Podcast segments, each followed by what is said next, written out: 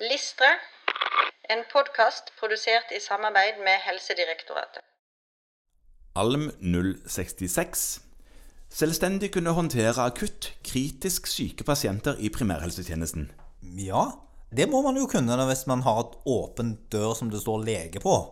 Ja, og, og drive en åpen, uselektert praksis som ikke kun driver på med f.eks. diabeteskontroll.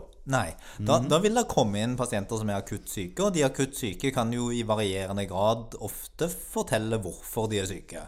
Ja, Ja, ja men hva om eh, de ikke kan det? holdt jeg på å si? Altså, Du må kunne håndtere de som kommer og er komatøse òg. Ja, kommer sjelden for egen maskin, de, Morten. Det er riktig. Ja, men eh, jeg tror det som er poenget her, er at dette er et læringsmål som gjenspeiler bredden i det å være allmennlege. Altså du skal kunne alt fra den litt tørre kontrollen til det nesten hyperakutte. Ja. Og du skal ikke nødvendigvis kunne løse alt selv, men du skal kunne håndtere utfordringen Ja. med akutt klinisk eh, kritisk syke pasienter i primærtjenesten. Og da er det sånn at læringsarenaen for dette, som det står, det er disse 40 legevaktene som man må ha for å bli spesialist. Og grunnen til det kan man tenke seg er at der får man mengdetrening. Ja, får man ikke mengdetrening på kontoret òg? Ikke i løp av Altså, når hadde du sist en akutt kritisk syk en på kontoret ditt? Nei, altså tilfeldigvis var ikke det så lenge siden. Men, jeg, det, men før det så var det veldig lenge siden igjen. Ja, og, det, og det, nå kommer det helt sikkert til å sitte noen og høre på dette og tenke at det skjer hele tiden. Og det, det gjør jo det i en periode. Ja, Og litt avhengig av hvor praksisen din er. Ja, noen, Selvfølgelig. Noen har jo en praksis som i praksis er en dagligvakt. Ja da, det er sant. Men ellers så kan man godt gå gjennom årevis uten å ha en skikkelig akutt kritisk hendelse, og det, det er jo flott, det.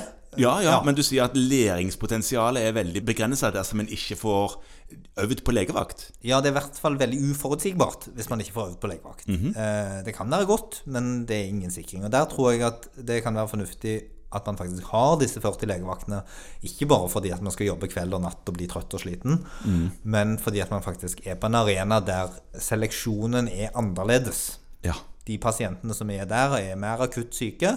De har altså ikke tid til å vente på fastlegen sin neste dag. Og da kan man få øvd på å håndtere de kritisk syke. ja.